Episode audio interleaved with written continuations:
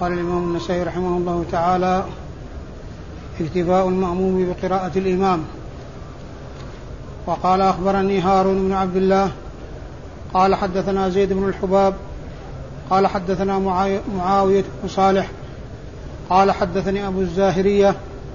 قال حدثني كثير بن مرة الحضرمي عن أبي الدرداء رضي الله عنه. سمعه يقول سئل رسول الله صلى الله عليه وسلم أفي كل صلاة قراءة؟ قال نعم. قال رجل من الأنصار وجبت هذه فالتفت إلي وكنت أقرب القوم منه. فقال ما أرى الإمام إذا, إذا أما القوم إلا قد كفاهم. قال أبو عبد الرحمن هذا عن رسول الله صلى الله عليه وسلم. خطأ. إنما هو قول أبي الدرداء ولم يقرأ هذا مع الكتاب. بسم الله الرحمن الرحيم. الحمد لله رب العالمين وصلى الله وسلم وبارك على عبده ورسوله نبينا محمد وعلى آله وأصحابه أجمعين. أما بعد أما بعد يقول النسائي رحمه الله اكتفاء المأموم بقراءة الإمام. مراده بهذه الترجمة أن قراءة الإمام قراءة للمأموم. قراءة الإمام قراءة للمأموم وأن المأموم يكتفي بقراءة الإمام. وقد عرفنا فيما مضى أنه في حال السرية يقرأ المأموم السورة الفاتحة والسورة وفي الصلاة الجهرية أنه يقرأ الفاتحة ولا يقرأ غيرها وأنه يكتفي بقراءة الإمام لما عدا الفاتحة فلا يقرأه المأموم بل يستمع له. وهذا هو أرجح الأقوال وأصح الأقوال في هذه المسألة. والنسائي هنا عقد هذه الترجمة آه للاستدلال بهذا الحديث على هذه الترجمة وهي اكتفاء المأموم بقراءة الإمام. يعني أن قراءة الإمام قراءة للمأموم. فيكفيه يكفي آه، آه، الإمام إذا قرأ فإن ذلك يكفي عنه وعن المأمومين. يكفي عنه وعن المأمومين. وعرفنا أن الراجح هو أن قراءة الفاتحة لازمة للمأموم في جميع الأحوال وأن قراءة الإمام قراءة للمأموم في غير الفاتحة فعليه الاستماع وليس له أن يقرأ شيئا غير الفاتحة. آه ويقول النسائي في آخر الحديث قال هذا خطأ يشير إلى يشير بذلك إلى ما جاء في آخر الحديث من قولي ما أرى الإمام آه، إذا قرأ إلا وقد كفاهم أي كفى المأمومين يعني أن هذا من كلام أبي الدرداء وليس من كلام الرسول صلى الله عليه وسلم يعني أن آخره موقوف وأن أوله هو الموصول المضاف إلى الرسول صلى الله عليه وسلم. المضاف إلى الرسول عليه الصلاة والسلام هو أول الحديث وأما آخره فليس من كلام النبي عليه الصلاة والسلام وإنما هو من كلام أبي الدرداء. يعني النسائي أن آخر الحديث موقوف وأوله مرفوع. أوله مرفوع إلى رسول الله عليه الصلاة والسلام وآخره موقوف. لكن آه تبويب النسائي لاكتفاء الإمام بقراءة المأموم بقراءة الإمام إنما هو يتعلق بآخره يتعلق بما جاء في آخره. وقد جاء في بعض الأحاديث الصحيحة آآ آآ من كان له إمام فقراءته قراءة له. ولكن كما ذكرت هذا محمول على غير الفاتحة. أما الفاتحة فإنه يجب على المأموم أن يقرأها ولا يكفي قراءة الإمام عن المأموم في هذه آه، في بالنسبة للفاتحة وإنما يكفي في غيرها. آه، إسناد الحديث يقول النسائي أخبرنا؟ هارون بن عبد الله. هارون. أخبرنا هارون بن عبد الله وهو البغدادي الملقب الحمال وهو ثقة خرج حديثه مسلم وأصحاب السنن الأربعة. خرج حديثه مسلم وأصحاب السنن الأربعة. يروي عن زيد بن الحباب. وزيد بن الحباب صدوق خرج حديثه مسلم وأصحاب السنن الأربعة. مثل تلميذه هارون بن عبد الله البغدادي. يروي. معاوية بن صالح. إيش تقول؟ اللي هو اللي هو هذا اللي هو زيد الحباب في البخاري جزء القراءة. البخاري في جزء القراءة ومسلم وأصحاب السنن الأربعة. ومسلم وأصحاب السنن الأربعة. عن معاوية بن صالح. معاوية بن صالح هو أيضا صدوق آه، صدوق ربما وهم. صدوق له أوهام. خرج حديثه البخاري في جزء القراءة. نعم. خرج حديثه مسلم وأصحاب السنن الأربعة. مسلم وأصحاب السنن الأربعة. أيضا البخاري في جزء القراءة؟ واللي قبله أيضا كذلك؟ زيد بن حباب؟ زيد بن حباب؟ فيه في البخاري في جزء القراءة؟ تقريب موجود؟ نعم اللي هو زيد بن حباب؟ نعم. معاوية بن صالح أخرج وهو صدوق له أوهام. أخرج حديثه البخاري في جزء القراءة ومسلم وأصحاب السنة الأربعة. حدثني أبو الزاهرية حدثني أبو الزاهرية وهو حدير ابن كريب. حدير ابن كريب وهو صدوق خرج حديثه البخاري في جزء القراءة ومسلم وأبو داود والنسائي. مسلم وأبو داود والنسائي. الترمذي ما فيه. أيه. البخاري في جزء القراءة ومسلم وأبو داود والنسائي وابن ماجه. لم يخرج له الترمذي ولا البخاري في الصحيح بل خرج له في جزء القراءة. أبو الزاهرية مشهور بكنيته و و ونس وهو وهو حدير ابن كريب. قال حدثني كثير بن مرة قال حدثني كثير بن مرة. الحضرمي الحمصي وهو ثقة خرج حديثه البخاري في جزء القراءة وأصحاب السنن الأربعة. البخاري في جزء القراءة وأصحاب السنن الأربعة. عن أبي الدرداء. عن أبي الدرداء وهو عويمر بن زيد الأنصاري صحابي مشهور وهو مشهور بكنيته أبو الدرداء وحديثه عند أصحاب الكتب الستة.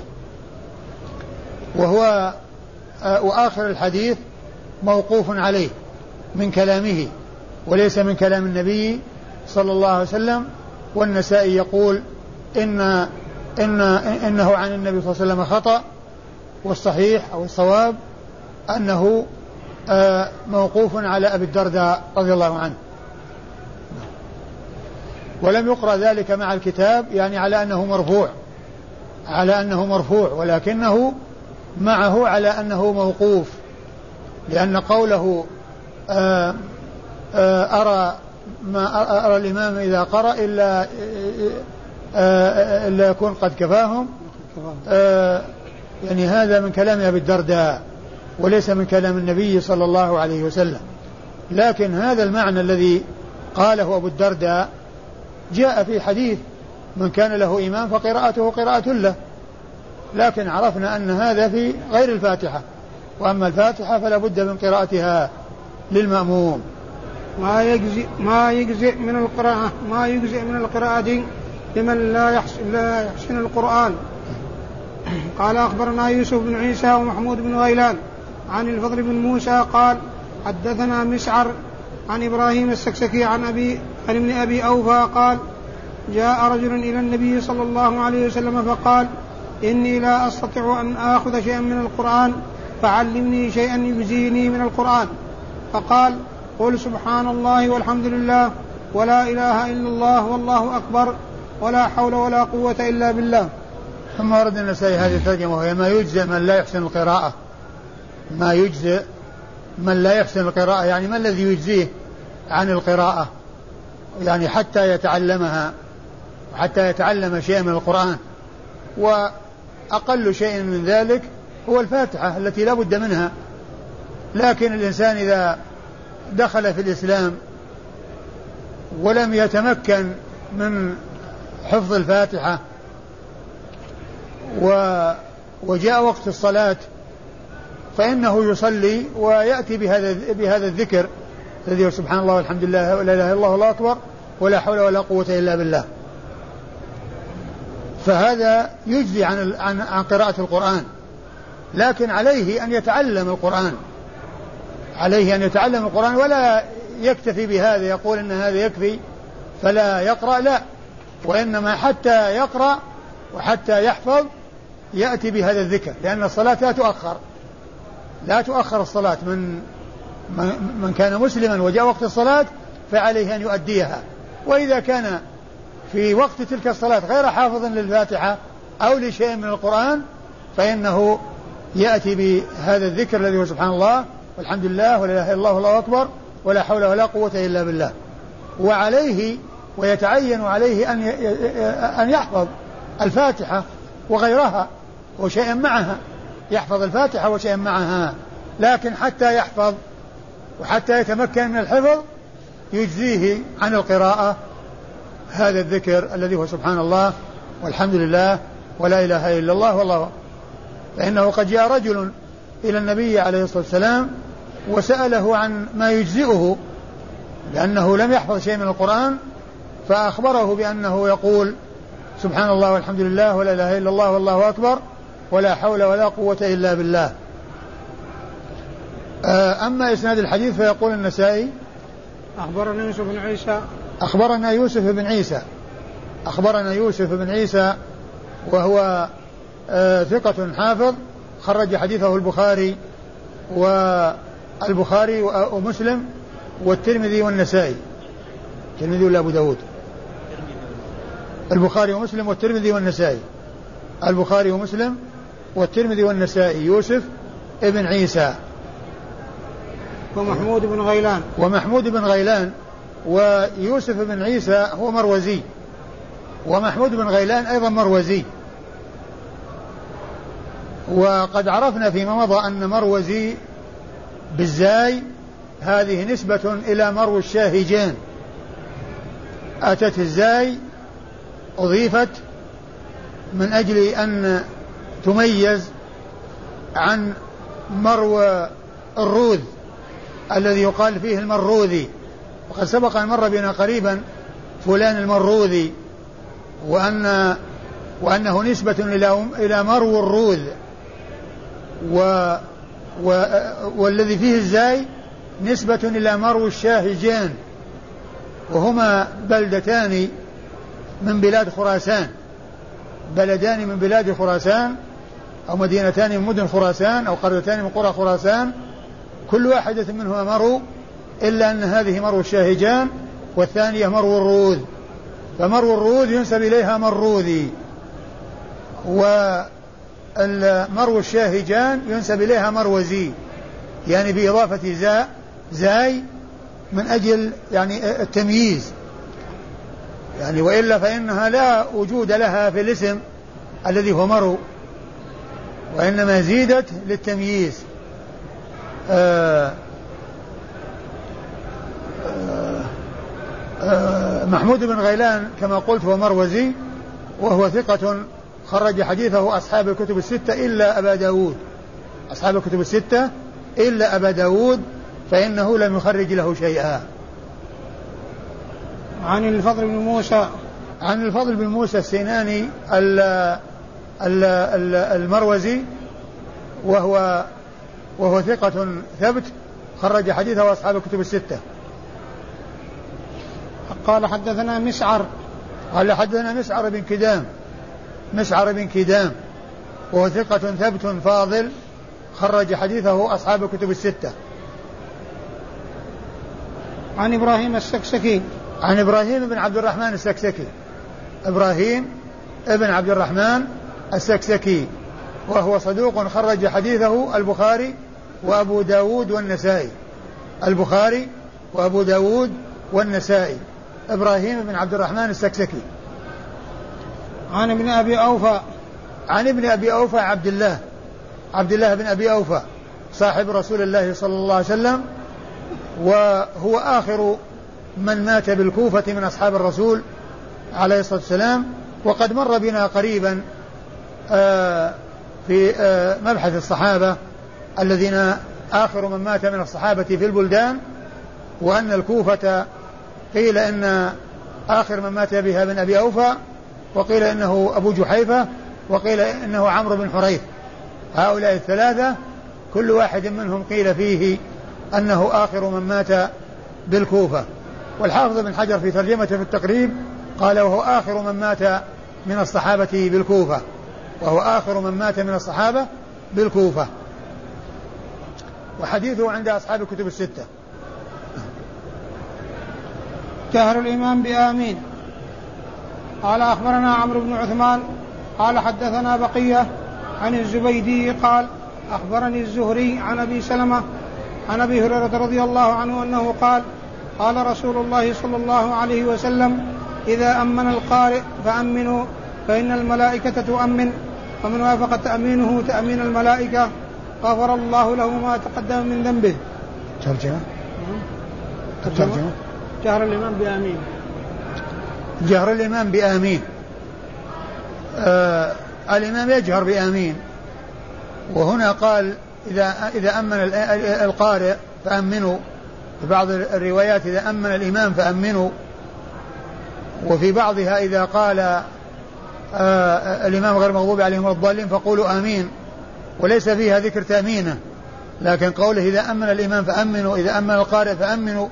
فإن من وافق تأمين تأمين الملائكة غفر له ما تقدم من ذنبه يدل على ذلك.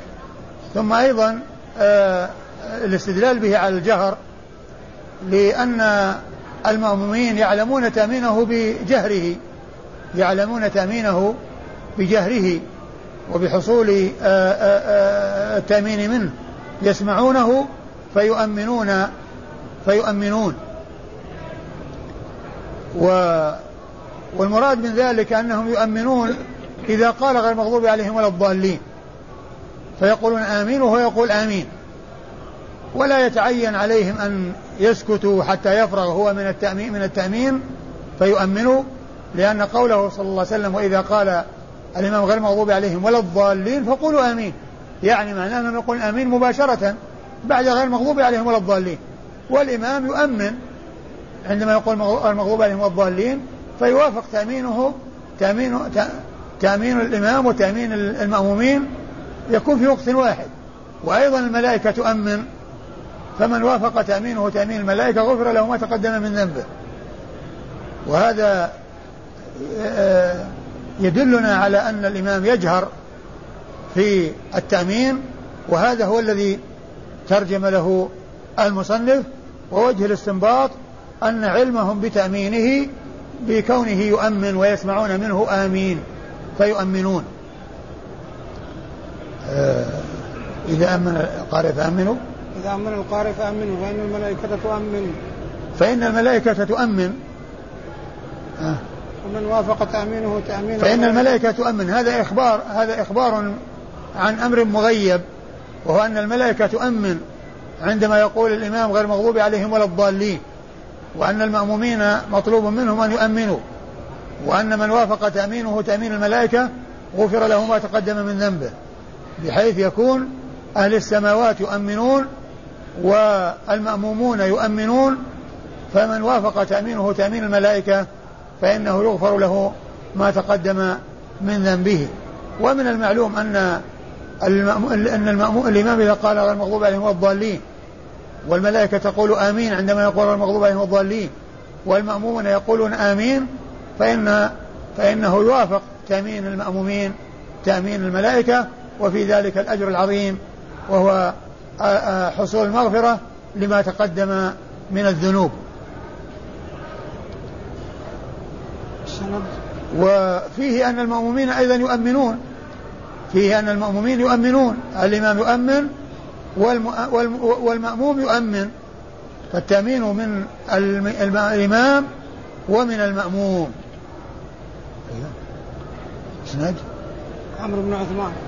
أخبرنا عمرو بن عثمان ابن سعيد بن دينار ابن سعيد بن كثير بن دينار الحمصي وهو آه وهو صدوق خرج له أبو داود والترمذي والنسائي. أخرج له أبو داود والنسائي وابن ماجه. أبو داود والنسائي وابن ماجه. هذا عمرو بن عثمان ابن سعيد ابن كثير بن دينار. قال حدثنا بقية. قال حدثنا بقية بن الوليد. بقية ابن الوليد وهو آه وهو صدوق آه يدلس أو كثير التدليس عن الضعفاء. وحديثه أخرجه البخاري تعليقا ومسلم وأصحاب السنن الأربعة. عن الزبيدي. عن الزبيدي وهو محمد بن الوليد.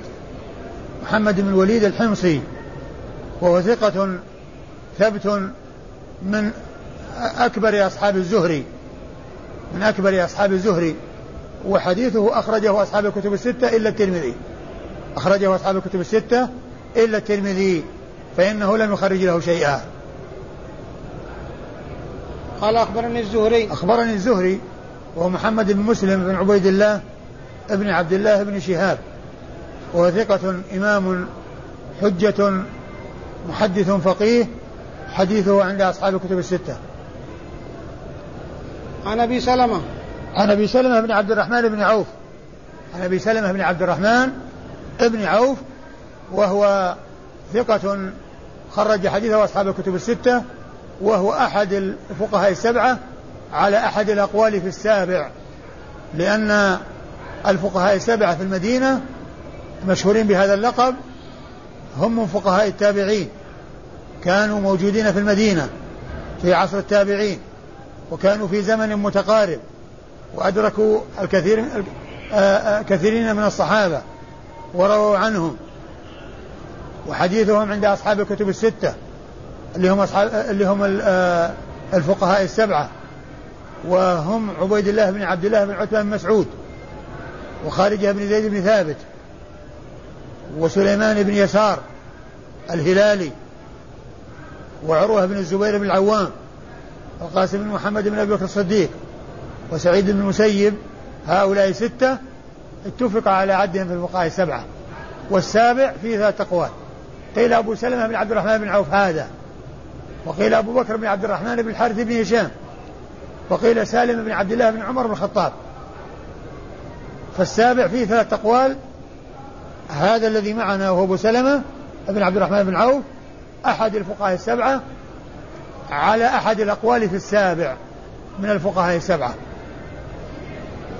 عن أبي هريرة. عن أبي هريرة. عن أبي هريرة عبد الرحمن بن صخر صاحب رسول الله صلى الله عليه وسلم وأكثر الصحابة حديثا على الإطلاق رضي الله عنه وأرضاه.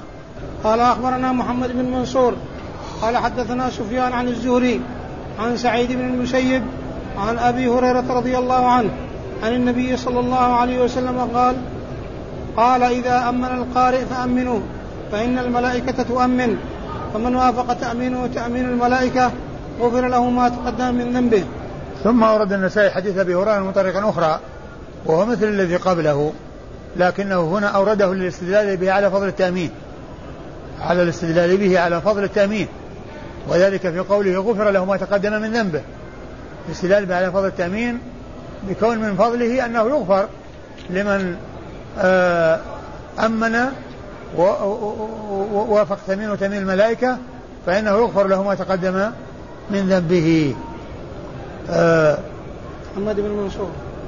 وأما الإسناد فيقول سيخبرنا محمد بن منصور وهو الجواز المكي الذي يمر بنا ذكره كثيرا يروي عن سفيان وهو ابن عيينة.